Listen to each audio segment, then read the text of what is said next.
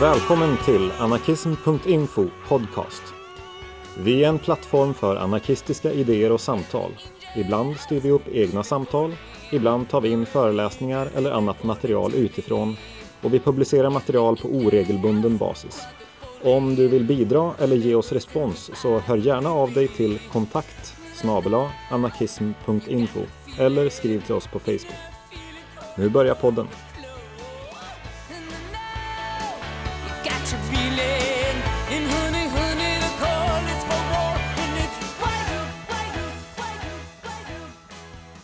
Hej och välkomna till eh, anarkist.infos eh, podd. Idag så har vi ett eh, kravallsamtal där vi ska stämma av året som gått lite grann. Sådär. Lite högt och lite lågt. Vad som har hänt och inte hänt. Och vi tänkte nog börja i det som precis har hänt så här i slutet, i början på året i, i USA kring Trump. Eh, jag heter Alf. Eh, har med mig två kamrater. Vilka är ni? Ja, Luttra. Hej. Och Svart katt från eh, andra sidan det här vattendraget, eller vad det nu är för någonting. Tjena. Vi kan väl hålla oss kvar i, i det området då lite grann. Vad, vad är det som har hänt i staterna? Eller det vet vi lite grann, men berätta. Ja, exakt. Jag menar, här satt man och skulle summera lite vad som hänt 2020 och se fram emot 2021 och så plötsligt så avslutar Trump året med en bomb, eller påbörjar snarare det nya. Mm. Ehm, ja, alltså det som har hänt går väl kort att beskriva som att eh, det i onsdags var det väl, nu kommer jag inte ihåg datumet, men eh, kan det ha varit onsdag den sjätte? Så skulle ju de här eh, rösterna eh, som eh, formellt gör eh, Joe Biden till, till president elect så att säga. Eh, de elektorsrösterna. De skulle väl liksom formellt eh, räknas samman och verifieras i eh, Kapitolium i, eh, i Washington DC. Eh, det är någonting som är i närmast en ceremoniell sak i USA. Där liksom allt är redan klart och de, de ska börja göra den här grejen och så är, eh, ska sen Joe Biden sväras in 20 januari har jag för mig att det brukar vara. Eh, Men i år så vi vet ju alla antagligen mer eller mindre hur obenägen Trump har varit på att erkänna sig besegrad. Det har varit alla andra konspirationsteorier och eh, snack om fusk trots att det inte förekommit några som helst bevis för att det skulle vara något sånt. Och nu då i samband med att det här skulle hända i DC så höll Trump ett tal utanför inför en skara som kan tyckas stor. Det rapporteras att det var kanske 15 000 som hade rest, men det var alltså folk som hade rest från hela landet till DC för det här som skulle vara jätteviktigt för Trump och trumpismen. Liksom. Eh, så, så med den kontexten så, så var det kanske inte jättemånga egentligen. Men han höll ett tal där han i princip uppviglade folk att söka sig till Kapitolium där eh, den här sammanräkningen och, av delegatrösterna skedde. Varpå en skara på kanske, det var väl några hundra som gav sig ut dit och eh, lyckades ta sig in inom stationstecken. Det gick inte så bra för vissa. De fick en hel del hjälp av en del poliser plats.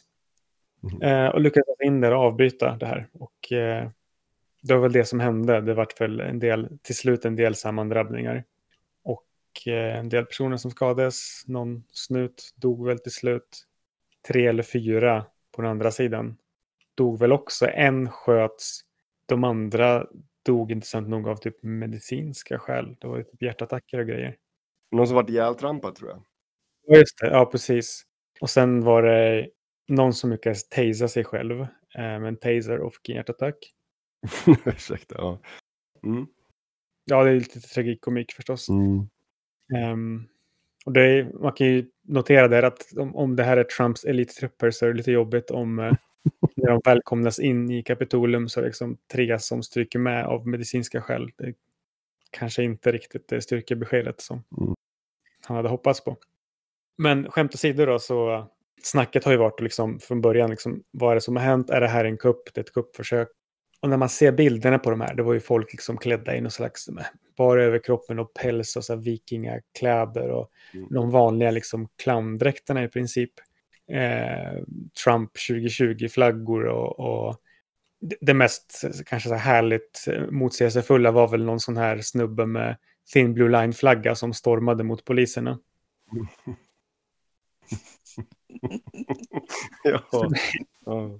Så liksom det, det är ju det är lätt att skämta om för att det, är, det var ju liksom en fars.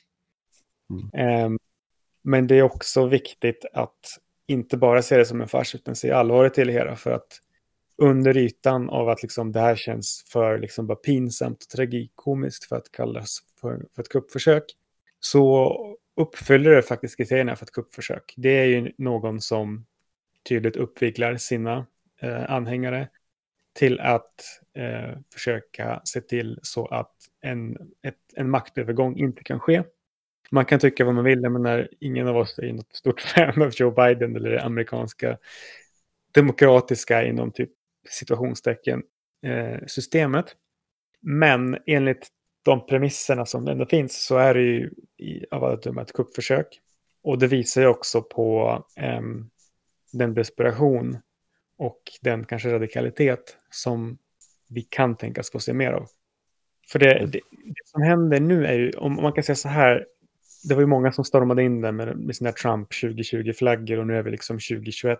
Och Trump, om man som koncept säger Trump 2020, det kan man säga, det, det representerar ju det året som har gått och eh, de fatala misslyckanden i allt från eh, eller ja, misslyckande, det, det har väl i viss mån varit en medveten eh, politik eller icke-politik att vägra hantera eh, coronakrisen, eh, att aggressivt bemöta eh, Black Lives Matters eh, demonstrationerna med våld och liksom förtal och att istället omfamna liksom extrem höger och försöka svartmåla alla som, som demonstrerade, protesterade.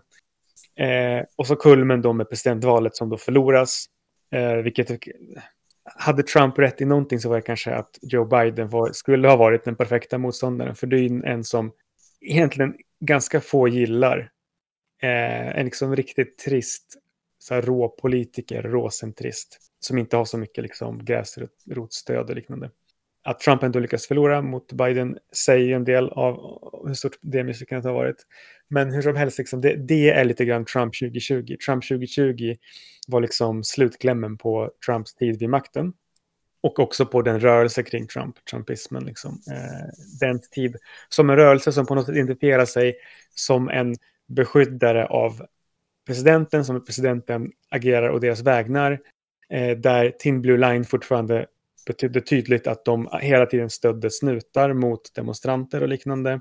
Och såg sig som en del av, eller åtminstone en potentiell del av etablissemanget.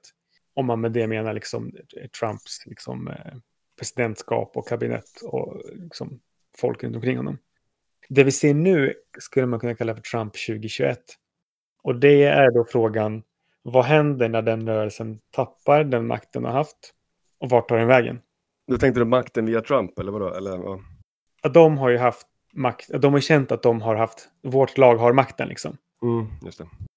Och där har ju en del ganska extrema element som Trump ändå liksom mer eller mindre direkt knutit till sig kunnat hålla tillbaka för att de, de har ju väntat på att han ska lösa problemen.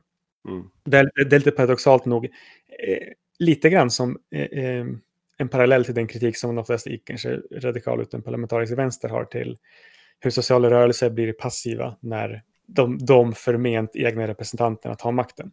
Eh, det här är faktiskt liksom lite grann av en högervariant på det, att liksom Trump hade makten, han skulle lösa det. Det sades ju från, från många olika håll, det vävdes till och med in med de här konspirationsteorierna där Trump var lite så grann som en förkämpe som skulle rensa upp liksom, i, bland eh, politikerna och i statsmakten. Och när det här nu fallerar så sker det ju väldigt intressanta saker. Och för någon som kanske bara ytligt tänker att problemet i USA de senaste åren har bara varit Trump, att han kom till makten.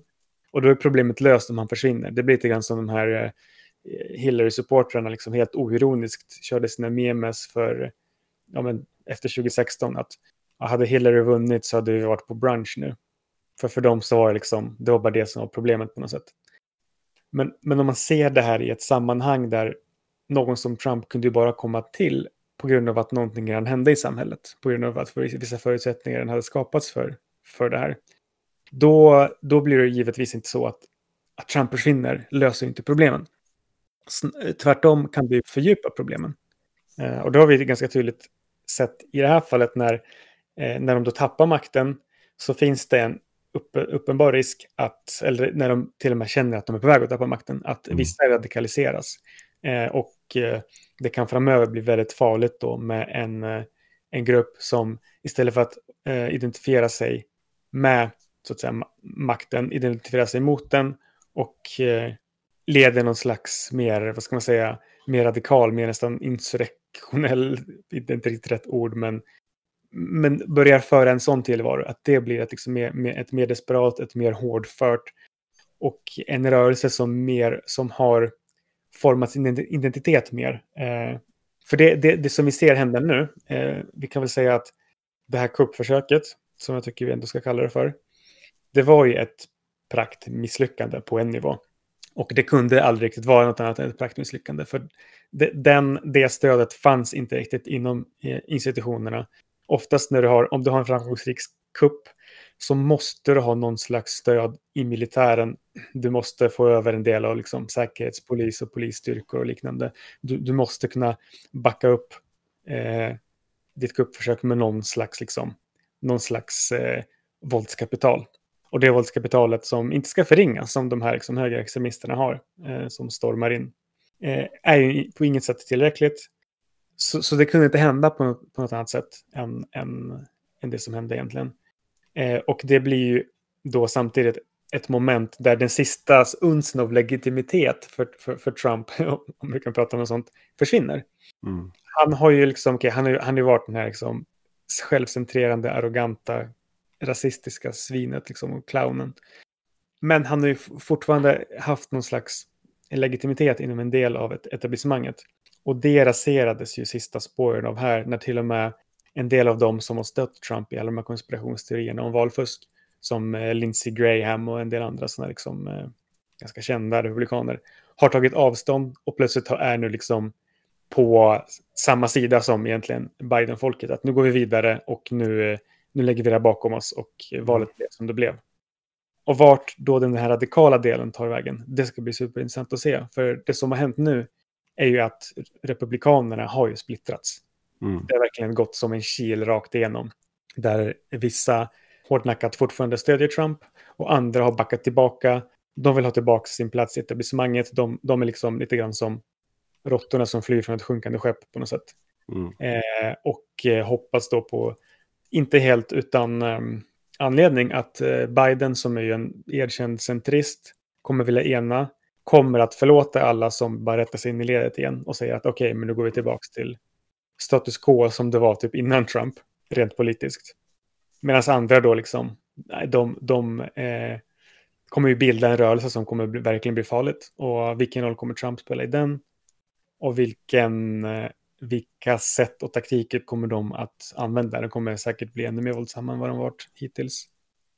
Ja, för på ett sätt så är väl Trump, jag tänker att i, när han inte är president, eller man ska säga, om han blir någon slags radio talkshow-host eller vad man nu kanske kan bli. I, alltså, han kan väl säkert passa i det forumet på något sätt, men han blir kanske också lite um, mindre relevant och intressant också för, för, för en rörelse som kanske då att radikaliseras, som trappat upp liksom sin eh, nivå eller vad man ska säga. Um, men tror du att de skulle kunna, ta, skulle de kunna försonas? Då? Skulle de kunna ta till sig Trump igen?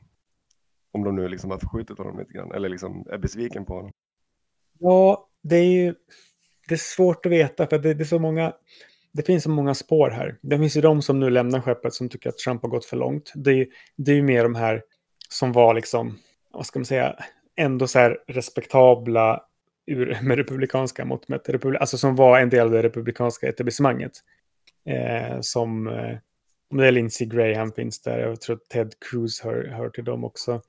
Eh, som eh, inte vill liksom som vill vara kvar i det politiska livet och de, de, de stödjer alla de här institutionerna som har tagit avstånd. Sen finns det å andra sidan de som tycker att Trump på något sätt har svikit och inte lyckats. Och så finns det de som tycker att det är Trump som har svikit, som har blåst på en seger och liksom som, som Mm. stöttar honom. Eh, och de som tycker att han har liksom varit för mild liksom, och för otydlig i sin, i sin eh, ja, typ rasistiska och Mm. fas fascistoida pro propaganda och, och praktik. Um, så det är ju svårt att veta där liksom, vart han kommer hamna. I och med att han kommer lite från ingenstans politiskt. Uh, och vad han kommer hamna i för roll. Om han kommer vilja ta någon slags uh, ledande roll. Den möjligheten finns ju. Och där finns ju då möjligheten för honom att liksom, om en typ, han, han kan ju lite mer ohämmat gå framåt i, i ett forum där han inte längre sitter på eh, presidentmakten. Ja, han kommer, det positiva är att han tappar en ganska stor, eller flera stora plattformar för att kunna basunera ut det här, Mm. eh, sitt budskap. Vilket är positivt. Eh, men det negativa då är att det kan bli en, eh, en roare jargong och det kan uppmanas till värre praktiker och det kommer resultera i våld mot folk. Mm. Ja men precis, för att, för att i, ett, i ett sammanhang där han liksom blir någon slags, ja men hitta någon kanal då, för att om, om man tänker sig det scenariot, att han hittar någon kanal där han ska då liksom ranta på, eh, då behöver han inte ta lika mycket hänsyn till att han ska vara någon slags, kan man ju diskutera hur mycket han har gjort det tidigare, men, men han kan ju, om man då vill, ta ännu mindre hänsyn till, eh, ja, eh, att han ska uppfylla någon roll sådär. Och det kan ju vara, från det du pratar om nu, att det liksom kan ju fånga upp en stämning som redan är jävligt våldsam eh, och driva den vidare åt något håll. Ja, precis. Och sen är frågan ifall det här ska ske inom eller utanför det republikanska partiet. För det är ett parti som är extremt splittrat just nu. Extremt splittrat. Och som har verkligen luften gått ur dem. För dem, för dem var ju det som hände ett fullständigt fiasko. Mm. Som ändå är en politisk aktör. De vill ju se sig själva som liksom ett av de två etablerade, respektabla politiska krafterna i, i landet. Och så sker det här liksom. Som de, de har ju på något sätt och vis underminerat sig själva och eh, det sker en otrolig splittring nu. Och det är till och med så att vissa pratar om ifall det här kan leda till att det skapas ett, ett nytt parti. Mm. Mer liksom, vad ska man säga, protofascistiskt. Eh, med, med, med Trump-falangen. Eh, så stor är splittringen. Sen, sen tror jag att det här politiskt blir jättesvårt för att det, det amerikanska politiska systemet är så upplagt för två, två partier så att jag, tror, jag ser inte hur det där skulle fungera eh, praktiskt. Det har alltid varit så att eh, rörelser i, i marginalerna har fångats upp, sugits upp av, av de två partierna. Eh, Republikanerna har ju haft liksom Tea Party och de har haft Trump nu. Eh, Demokraterna har alltid lyckats tygla in liksom så Bernie Sanders-supportrar och sånt där. Eh, sen ja, det är klart det finns ju ett Green Party, men, men hur, hur irrelevanta de är på, på det nationella planet säger ju en del om liksom hur det, det finns liksom inte riktigt eh, förutsättningar för det på något sätt. Så Mm. det blir väldigt intressant ändå att se vad händer. Kommer det ske inom, in, inom eller utanför Republikanerna? Hur kommer radikaliseringen se ut där för, för de högerextrema? För det, det ser man ju spår av nu redan, liksom, att de är beredda att göra de här sakerna. De är beredda att storma in där. Mm. Eh, och eh, också den här ambivalenta sitsen de hamnar i nu när de går från, se, se sig själva som en rörelse som går från makt till opposition. Då är det få saker som att liksom eh, en del av poliserna i vid Kapitolium släppte ju förbi. Det finns ju videos på när de liksom eh, tar åt sidan barrikaden, när de vinkar fram, när de tar selfies med de här som stormade in. Andra hamnade helt klart i duster med, med dem till slut. En snut dödades. En annan av, av dem som stormade in blev ju skjuten. Ehm, så det sker också en splittring. Att kommer de här att inte längre se sig själva som att de och polisen står på samma sida? Eh, och där, jag, menar, jag vet ju, många här har ju, när det här hände, så var det liksom lite så här absurd situation för typ, radikal vänster. många satt ju där bara typ så här, okej, ja, du snutar pucklar på fascister och fascister pucklar på snutar. Okej, låt, låt dem puckla på varandra liksom.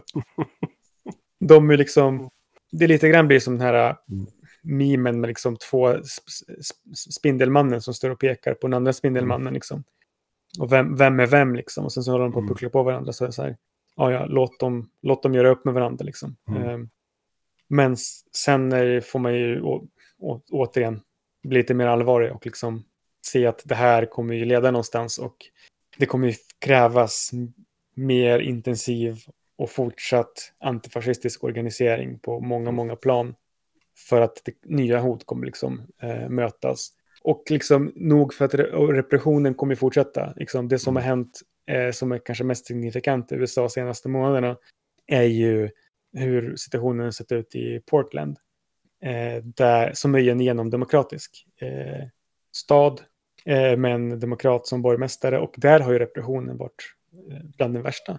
Och det var inte bara när, när de tog in eh, trupper från, jag vet inte om de tog in det här nationella gardet eller, eller vilka de tog in, om de tog in så federala poliser. Men, men repressionen och våldet har varit precis lika illa när det varit de lokala snuttarna. Ehm, och det här har skett under liksom, demokraternas eh, översyn. Och kan, sånt här kan fortsätta hända eh, under demokraternas översyn. Och då, kommer det, det, då finns det ingen som ens liksom, till synes kan ställa sig på, på typ sociala rörelsers sida. För att det kommer inte republikanerna göra. Och när demokraterna har makten så vill de ju typ pacificera och avväpna sådana rörelser. Och eh, de är inte större än att de kan tänka sig att utdefiniera sådana rörelser som våldsmakare om de inte ställer upp på liksom, eh, demokratisk, centristisk eh, politik. Eh, och då att, direkt när det här har hänt också då, med, med kuppförsöket och den ganska tafatta reaktionen från, från snutarnas sida som ju, de i princip lät de här komma in i, i byggnaden så har ju Europa varit på att liksom mer resurser på typ eh, bekämpa med typ, de, de kallar, många kallar det för domestic terrorism, vilket ja, det är trevligt att för en gång skulle det någonting annat än muslimer som kallas för terrorister, å ena sidan. Å andra sidan så är det där liksom livsfarligt och ingenting som någon typ vettig antifascist eller liksom antikapitalist borde ställa sig bakom. För, så, för det kommer ju bara resultera i alla sådana liksom verktyg som eventuellt fås i egenskap av att vi ska bekämpa den här extremismen. De kommer till slut användas mot fattiga, mot svarta, mot radikala vänsterrörelser, mot anarkistiska rörelser. Så har det varit genomgående i amerikansk historia. Så det finns aldrig, aldrig skäl att eh, ropa på att eh, staten ska få mer resurser till någon slags repression eller kontroll och lag och ordning. Så ja, det var en jäkla rant där, men eh, ja, vi, började, vi började året så liksom. Det var ju precis. Men stor jäkla rant. Så det är liksom, där kan man säga, där var så här Trump 2020 mot Trump 2021. Och Trump 2020, det kan vi summera vad som har hänt. Eh, Trump 2021, det är allt det här som bara kickar av med det här kuppförsöket. Mm. Och vad det kommer leda till. Och eh, som både liksom är positivt men också negativt för, ja, för, för alla parter på något sätt. Det är en ganska eh, komplex situation med många motsättningar och eh, många splittrade rörelser och åsikter.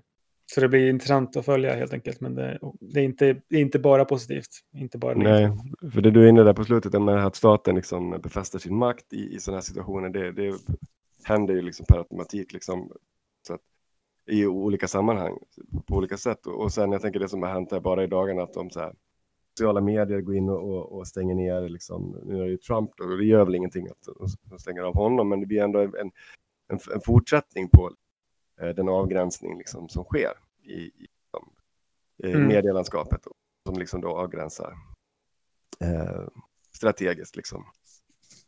Ja, exakt. Jag menar, jag har ju hört så många olika takes, men det finns folk som är så här, som är typ arga för att de tycker inte man ska vara glad över att Trump stängs av från Twitter.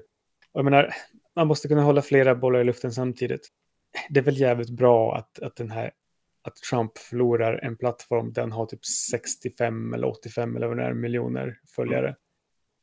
Deplatforming funkar i viss utsträckning under vissa förutsättningar. Och nu är det inte så att liksom Twitter eller Facebook eller Instagram är liksom så här radikal antifascistisk liksom deplatforming eh, organisation. Tvärtom så har ju de liksom verkligen hjälpt till att bädda för många av de här sakerna. Med hur hela liksom det de sociala medierna funkar som, som plattformar. Som liksom kommersiella liksom clickbait-plattformar. Där användarna är varan och där liksom det är eh, annonser och annonsörer som är kunderna. Och därför liksom stimulerar till en sån här liksom hets, eh, hetsutspel och liksom hetskommunikation. Men det är ingen, man ska inte tycka synd om att Trump förlorar den plattformen eller att andra liksom fascister förlorar plattformen. Däremot samtidigt finns det problemet med att de här eh, sociala mediejättarna har ju en oerhörd makt och det är jätteproblematiskt. Och till det måste alternativ hittas och eh, utökas och användas. Så det är absolut, man måste hålla liksom båda sakerna i huvudet samtidigt på något sätt. Mm, ja, men vi får se vad som händer framöver. Mm. Ska vi släppa Trump där eller har vi något mer att säga om, om det? Jag tycker vi deplattformar honom nu. Ja, gör det. Eh, men ska vi säga någonting om... Vi satt och snackade här innan så här att uh, uh, året som gått och så här och, och en del av det här året som har gått är man ju så jävla trött på liksom på ett sätt så där så att ska man hålla, fortsätta på att prata om, om det här eh, igen.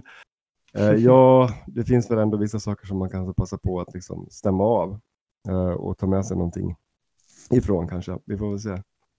Ehm, Jo, jag tror att alla känner sig trötta. Men det kan ju ha ett värde liksom att så här, men ta upp saker som kanske varit bra. mm, Personliga reflektioner liksom, eller saker som varit mindre bra liksom. Ehm, alla kommer ju ihåg liksom att ja, vi hade corona och det fortsatt. BLM har vi berört lite och vi har väl till och med gjort podd på det kanske. mm. Men ja, precis. Har ni några 2020-2021 reflektioner ni vill ta upp och bolla? Vi har typ pratat om det som har varit mest. Det är typ Trump och hans skit. Um, det var som jag som tyckte var så här nice under 2020, det var väl typ uh, uh, förutom BLM demonstrationerna så var det också kravallerna i Malmö som var typ i augusti. Just det. Det var också ganska fett. Att det fanns ett typ jäkligt bra motstånd liksom. När det behövdes. Just det. Ja, men det har ju hänt en del som man nästan har glömt bort. Inte. Sen har man glömt bort det där, men man kommer ju på saker. Mm, jag kom på det för att jag, för att jag skrev upp det faktiskt. Men, nej, men det var ändå typ en ganska så här, eh, intensiv grej som hände så ganska snabbt. Liksom. Man fick nys om att de skulle bränna Koranen liksom. Och sen så mobiliserade folk. Alltså ändå under pandemin. Jag tycker att det var, det var fan fint ändå. Mm. Mm. För det är kanske är lite ett återkommande tema att så här, hur organiserar man under en pandemi och vilka begränsningar finns? Och dels rent prakt, alltså konkret så här, från så här, ja, men man får inte göra si, man får inte göra så. Och viss, vilka sätter man på sig själv? Att blir man mindre benägen att göra saker Mm. för att man är liksom orolig och jag menar, social distansering och att försöka förhindra eh, pandemispridningen är ju jättebra saker. Men det vore ju otroligt naivt att tro att allt som har gjorts har gjorts med det syftet främst och att det inte kan missbrukas för, för att liksom kväsa liksom rörelser och se till så att motståndet inte kan liksom ta de kanalerna det brukar. Mm. Nej, men jag tänker så, nu i samma dag idag när vi pratar, när vi spelar in det här så, så har ju en ny pandeminlag eh, börjat gälla i, i Sverige. Eh, så, som ger jättestora befogenheter att stänga ner hela samhället snabbt, liksom, om man nu skulle vilja det. Liksom. Eh, så, bara en sån sak. Mm. Och det där liksom, man, man är ju som typ, ska man säga, anarkist i en, i en så här dubbelsits här för att man vill ju verkligen typ att eh, den hjälp som behövs ska komma till folk och att pandemin ska begränsas. Men samtidigt så har man ju svårt, alltså det är ganska lätt att genomskåda många av de sakerna som staten gör liksom. För samtidigt som man pratar om att okej, vi ska införa de här starka liksom eh, potentiella restriktionerna och sånt, så ser man ju att de, de sakerna som behöver rulla för att liksom kapitalismen ska kunna fortsätta och för att liksom staten ska kunna sitta där den är, de, de får ju alltid prioritet liksom. Mm. Så det blir så här, man är alltid svårt att ta de här, okej vi gör det här för att motverka pandemin. Så aha, men hade ni velat göra det, Mm. då hade ni satt in så jäkla mycket mer resurser Mm. till så här sjukvård. Mm. Då hade ju aldrig det här som har hänt i så här ålderdomshem behövt hända liksom med Mm. total smittspridning och jättemånga som, som har dött och drabbats av, eh, av corona. Så det är liksom så dubbelt. Man liksom, hade man varit naiv och trott på att det verkligen var för att, eh, för att bara stävja corona så hade man kanske varit mer optimistisk till, till utspel där man ska liksom ta i med hårdhandskarna mot corona. Men det känns som att det, det klingar lite falskt ofta. Ja, Jo, jo, men jag tänker så här också, ja, och så kan man ju dra det liksom lite ännu längre bakåt, om man ska säga så. Ja, men hade man verkligen var orolig, eh, och då tänker jag så här, statsmakter, och, och hade man verkligen varit liksom eh, orolig för att det inte ska kunna ske sådana här liksom eh, pandemier eller, eller liknande stora eh, gränsöverskridande liksom problem, om man ska kalla det, ja, men då hade man ju sett till att styra upp det. Så att man har en förutsättning för att det inte ska ske, att man inte har liksom en eh, en kapitalism som skenar iväg och som lägger grunden för sådana här saker. Att det kanske är sådana här. Då hade man liksom eh, styrt upp det eh, innan det hände. Liksom. Och jag tänker det här är ju säkert inte sista gången heller Men vi hamnar i sådana här situationer. Att kugghjulen ska fortsätta att, att snurra. Så det, det, det blir jag också så här irriterad på när, när jag liksom tänker på. För nu har det ändå gått ett tag. Liksom. Så nu är, med att man lever i den här liksom undantagstillståndet, är fel att kalla det, men det är liksom den här, den här liksom, tiden där vi befinner oss i någon slags väntrum. Och jag tänker så här att för egen del, det här året har ju varit väldigt mycket så här, ja, men på ett sätt, det är det som du är inne på här innan Svartkatten, så att vad, vad har skett, vad, alltså, det här som hände i Malmö, det har varit demonstrationer, det har skett saker och ting, men mycket har också ställts in. Det har känts som att det har ställts in och det har liksom, det har blivit mindre och det har blivit på ett annat sätt. Och, och, och det har varit aktioner, det har varit demonstrationer, eh, men det har inte varit på samma sätt. Så ju mer tiden går så känner jag i alla fall också att så här att kanske inte orken och engagemanget och ilskan och liksom så här drivet minskar, men det blir på ett annat sätt liksom. Och jag tänker att det är kombinerat med att man har en stat som går in och säger att men nu, nu stänger vi ner ännu mer och nu, så här, nu är det lockdown så nu är det så här, nu har vi rätt att stänga ner ännu mer också. Så det, det påverkar också tänker jag för att jag tänker på första maj till exempel som inte blev av eh, mot demonstrationen mot nazisterna i Uppsala. Det var ju jättebra att inte nazisterna demonstrerade i Uppsala. Liksom. Skitbra.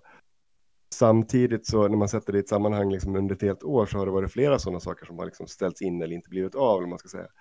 Och det för egen del i alla fall påverkar ju så här att låt säga att det fortsätter ganska länge. Så, ja, men vad är det med erfarenheterna och relationerna och allianserna, om man ska säga, och, och planering och, och, intresse och glädje och, och liksom besvikelser och allt det här som kommer med. Liksom bara, det får heller inte en utrymme och det är inte bra alls, tycker jag. Eller personligen så tycker jag det suger.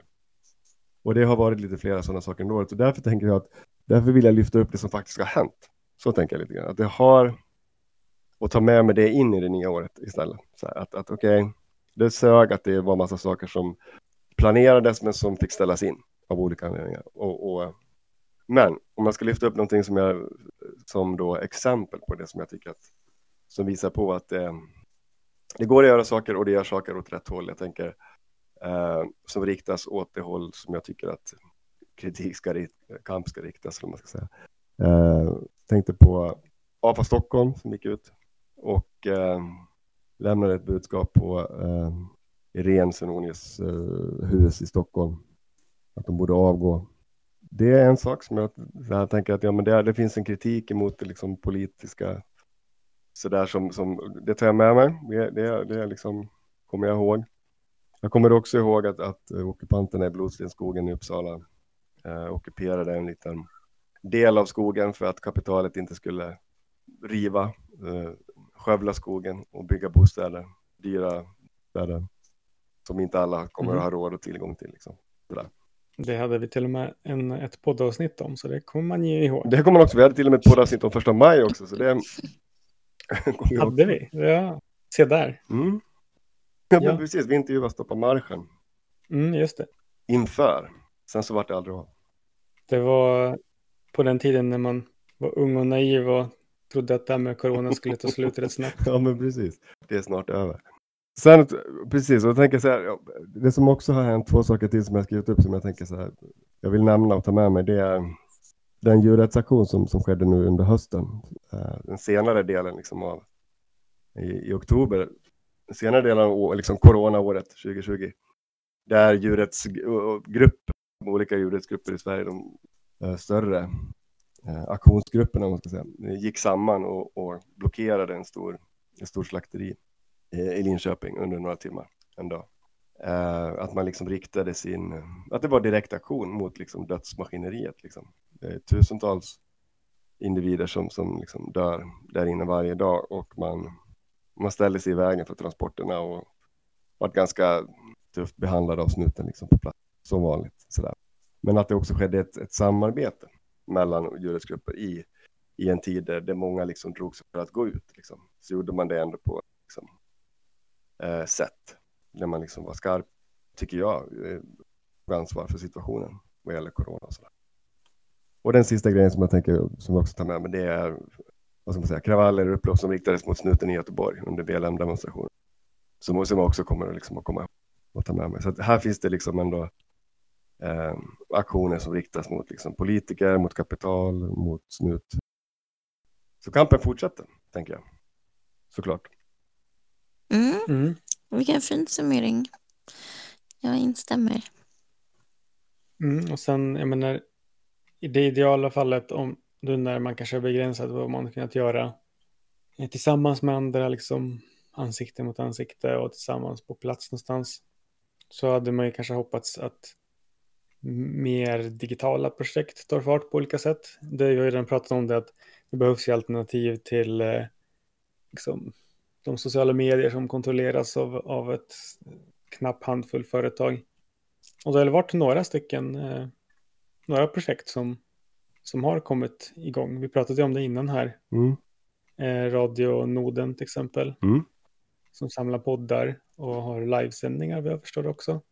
Som är precis vad som behövs, liksom mer infrastruktur för att utbyta åsikter och kommunicera och smida planer liksom. Och i samband med, med Facebook, liksom eh, nedstängning av liksom anarkistiska grupper här tidigare i år, 2020, så, så har det ju ploppat upp eh, alternativ eh, på olika sätt. Och vissa gamla alternativ har liksom åter blivit liksom aktuella som ett liksom mot att det finns alternativ man kan bygga på, bygga gemenskaper på. Ja, precis. Kollektiva media har väl gjort en, det är väl ett, en ersättning eller ett alternativ till YouTube med liksom eh, film, videohosting. Antimedia, Mm. Mastodon, Ja, precis. Eh, Kollektiva media har även en Mastodon eh, instans, heter det väl. Som Mastodon är ju ett slags federerad variant av, det, det är lite som en blandning mellan, mellan Facebook och Twitter. Jag vet inte om jag, jag har testat några gånger, jag vet inte om jag är helt förtjust i det. Um, det finns en risk för att liksom reproducera en del av de problemen som finns på de andra plattformarna, men, men fördelarna är tydlig tydliga att det inte ägs av någon, något enskilt företag, att det går att ha bättre kontroll över sina instanser, ja, sådana saker. Och det är ett alternativ liksom, fristående. Mm. Ja, och sen tycker jag, sen sen är det, jag har sett flera liksom bokcirklar, jag har sett eh, CR-studiecirklar som sker på nätet i liksom radikala kretsar i sammanhang, liksom, där det bara en sån sak som efter BLM demonstrationerna i Sverige så så startades ju liksom, det var föreläsningar, det var bokcirklar, det var för, liksom grejer på utifrån liksom en, en kritik av snuten liksom. Så.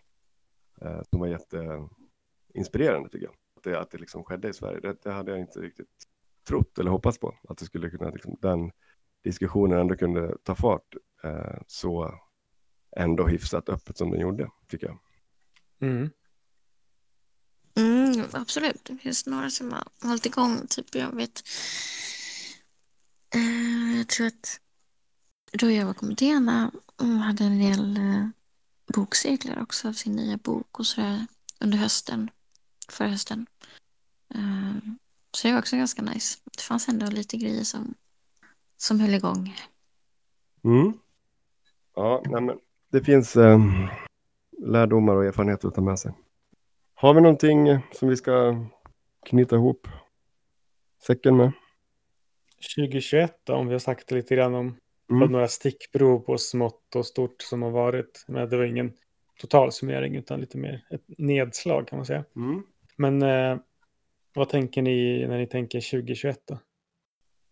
Mm. Alltså jag la upp en bild på Twitter. Jag ska försöka syntolka den. Det är typ eh, en bild från... Eh, alltså, nej. Det här blir inte alls bra för nu kommer jag inte ihåg. Heter serien Scooby-Doo? Heter den så? Nej. Jo. Heter den så? Scooby-Doo. Det kanske den gör. Jag fick för mig att det kanske bara var hunden som hette Ja, det är i alla fall eh, eh, en, en meme liksom. Att det är någon som ska dra av masken från liksom en av skurkarna. När masken är på så står det 2021. Så när man drar av masken så står det 2020. Så tänker jag att det året kommer vara. Samma, mer av samma goa. Ja. Det kanske var sämst Mm. syntolkning, men Nej, det var- there you go. Jättebra, jättedeppigt. Mm. Mm. Jag tror att det kommer vara... En repris, favorit i repris. Mm. Mm. Ja, men det finns ju den här illusionen också om att det ska vara så jävla, alltså, alltså det är samma, vad är skillnaden liksom? Nytt år, ja. Sådär. Ja, precis. Det är inte som att någonting ändras bara för att året ändras, även om det går ju att använda det Mm. till sin fördel ibland. Att Mm. liksom, att det blir som ett, Mm. man kan titta tillbaka och tänka lite så här, Mm. okej, men nu måste jag verkligen göra det här, eller nu måste Mm. jag verkligen göra det här. Liksom. Mm. Men, eh, men i vissa avseenden då, det, men, vi har redan diskuterat, liksom, det, stora saker har hänt eh, 2021. Trump-grejen har vi pratat om. Eh, I Sverige, det finns också små positiva tendenser. Det var ju en konflikt som eh, var i görningen på Pågatågen Mm. i, i Sverige. Där, eh, vad heter de, Arriva, Mm. företaget som ägs av tyska staten, för mig Se där. ville göra sig av med en fackligt aktiv med, med skyddsombudet på, på en arbetsplats. Och det ledde till ett hot om en vild strejk. Och så kraftigt är det hotet att Arriva snabbt backade.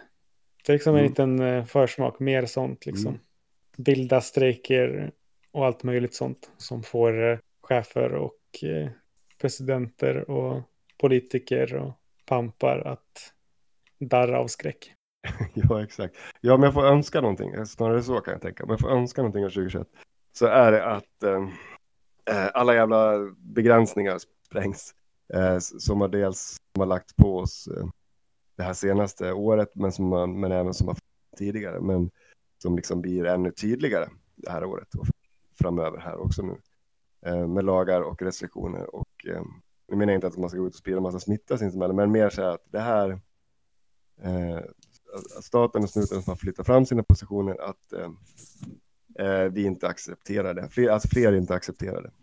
Eh, det önskar jag om jag ska säga något. Mm. Det kommer ju också nu, jag menar, e- ett ljus i tunneln här är ju att nu börjar ju vaccinerna rulla ut. Jag vet inte exakt hur det är i Sverige. Mm. Ehm, Jo, men det, men det är på gång här liksom redan. Och eh, det, om, om det funkar bra och många vaccineras så, så kommer man ju börja kunna liksom våga göra saker igen utan att det är risk för att människor Mm. eh, blir sjuka. Och Mm. det är ju, det är ju bra. mm. Och så får man försöka um, mota sådana här foliehattar, typ antivaxxers i Mm. grind liksom. För att de är ju alltså väldigt speciella, väldigt selektiva i sin, eh, sina analyser. För att de är livrädda för att de inte vet om vad det är i, i vaccinet och tror att det är liksom så här någon spårningsdevice eller det ena med det tredje liksom som, som finns inbyggt i Mm, vaccinet. Men det är så här, alltså är du orolig för det? Du, du säger den allting och låter typ Alexa spela in allt du säger. och du kan spåras hela tiden via din mobiltelefon. Så vad, vad är du rädd för att vaccinet ska göra med dig? Ja, ja. Mm, ja, nej men precis. Alltså en, eh, vi får se och hoppas. Och göra saker tillsammans Mm. igen. Känner jag verkligen så här. Att träffa eh, kamrater och människor och göra saker tillsammans. Ja, Mm. Det hade fint. varit eh, spännande. Jag, jag har nog varit i en, vad ska man säga, vi har haft det ganska bra, men, men i en mer isolerad situation än de flesta i och med att jag har varit fast utomlands. Jag har inte träffat en familjemedlem eller kompis Mm. sedan februari 2020. Shit, alltså. Ehm, så man börjar ju bli, man är ju liksom inte Mm. riktigt eh, rätt. Liksom, man minns knappt hur det, hur det, hur det funkar. ja, precis. Ja. Alltså jag kom på en grej. Är det inte det här året som um, den nya lagstiftningen ska vara på plats, typ av marknadshyror? Jag vet inte fan. Det skulle väl börja gälla någon gång 2021? Ja, det var mer än, än, vad jag har lyckats Mm. eh, läsa mig till. För det var ju det som de kom fram till i januariavtalet. Ja, Och just det det. skulle ju börja gälla 2021. Undrar när? vid nästa kamp. Hur vart det? Jag minns inte riktigt. Liksom, vart någon slags kompromiss liksom där sossarna menar att de eh, vinner genom att förlora som vanligt? Eller liksom, Ja. va- vart det, vart det liksom riktigt, det vart inte rena marknadshyror va? men det, var, det skulle bli något åt det hållet. Gud, vilken liten cliffhanger det blev det.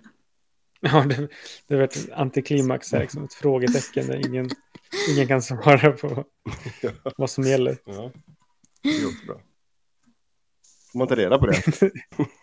Det blir uppdraget för 2021. Ja, liksom. ta reda på det. Hur var det med marknadshyrorna? Ja, precis. När kommer det gå? Försämras. Ja, när det redan är dåligt liksom. Varsågoda. Mm. Mm. Okej, är det något mer? eh, Eller får det vara nog nu? Nu får det vara nog med jävla 2020 liksom. Ja, och 2021. Och 2021 också ja. Jag är redan trött på det här året. ja men det är bra. Ja, nej men jag har nog inte så mycket mer att, att tillföra. Tror jag. Jag känner mig... Nu har vi kravallat klart. Ja. Mm. Eh, då säger vi tack för oss för den här gången. Vi eh, ses och hörs om inte allt för lång tid tror jag. Mm. Mm. Vi kravallar vidare. och Ska väl kravalla oss genom 2021 också på något sätt. Ha det gött. Mm. Tack för idag. Hej då. Tack, tack. Hej då.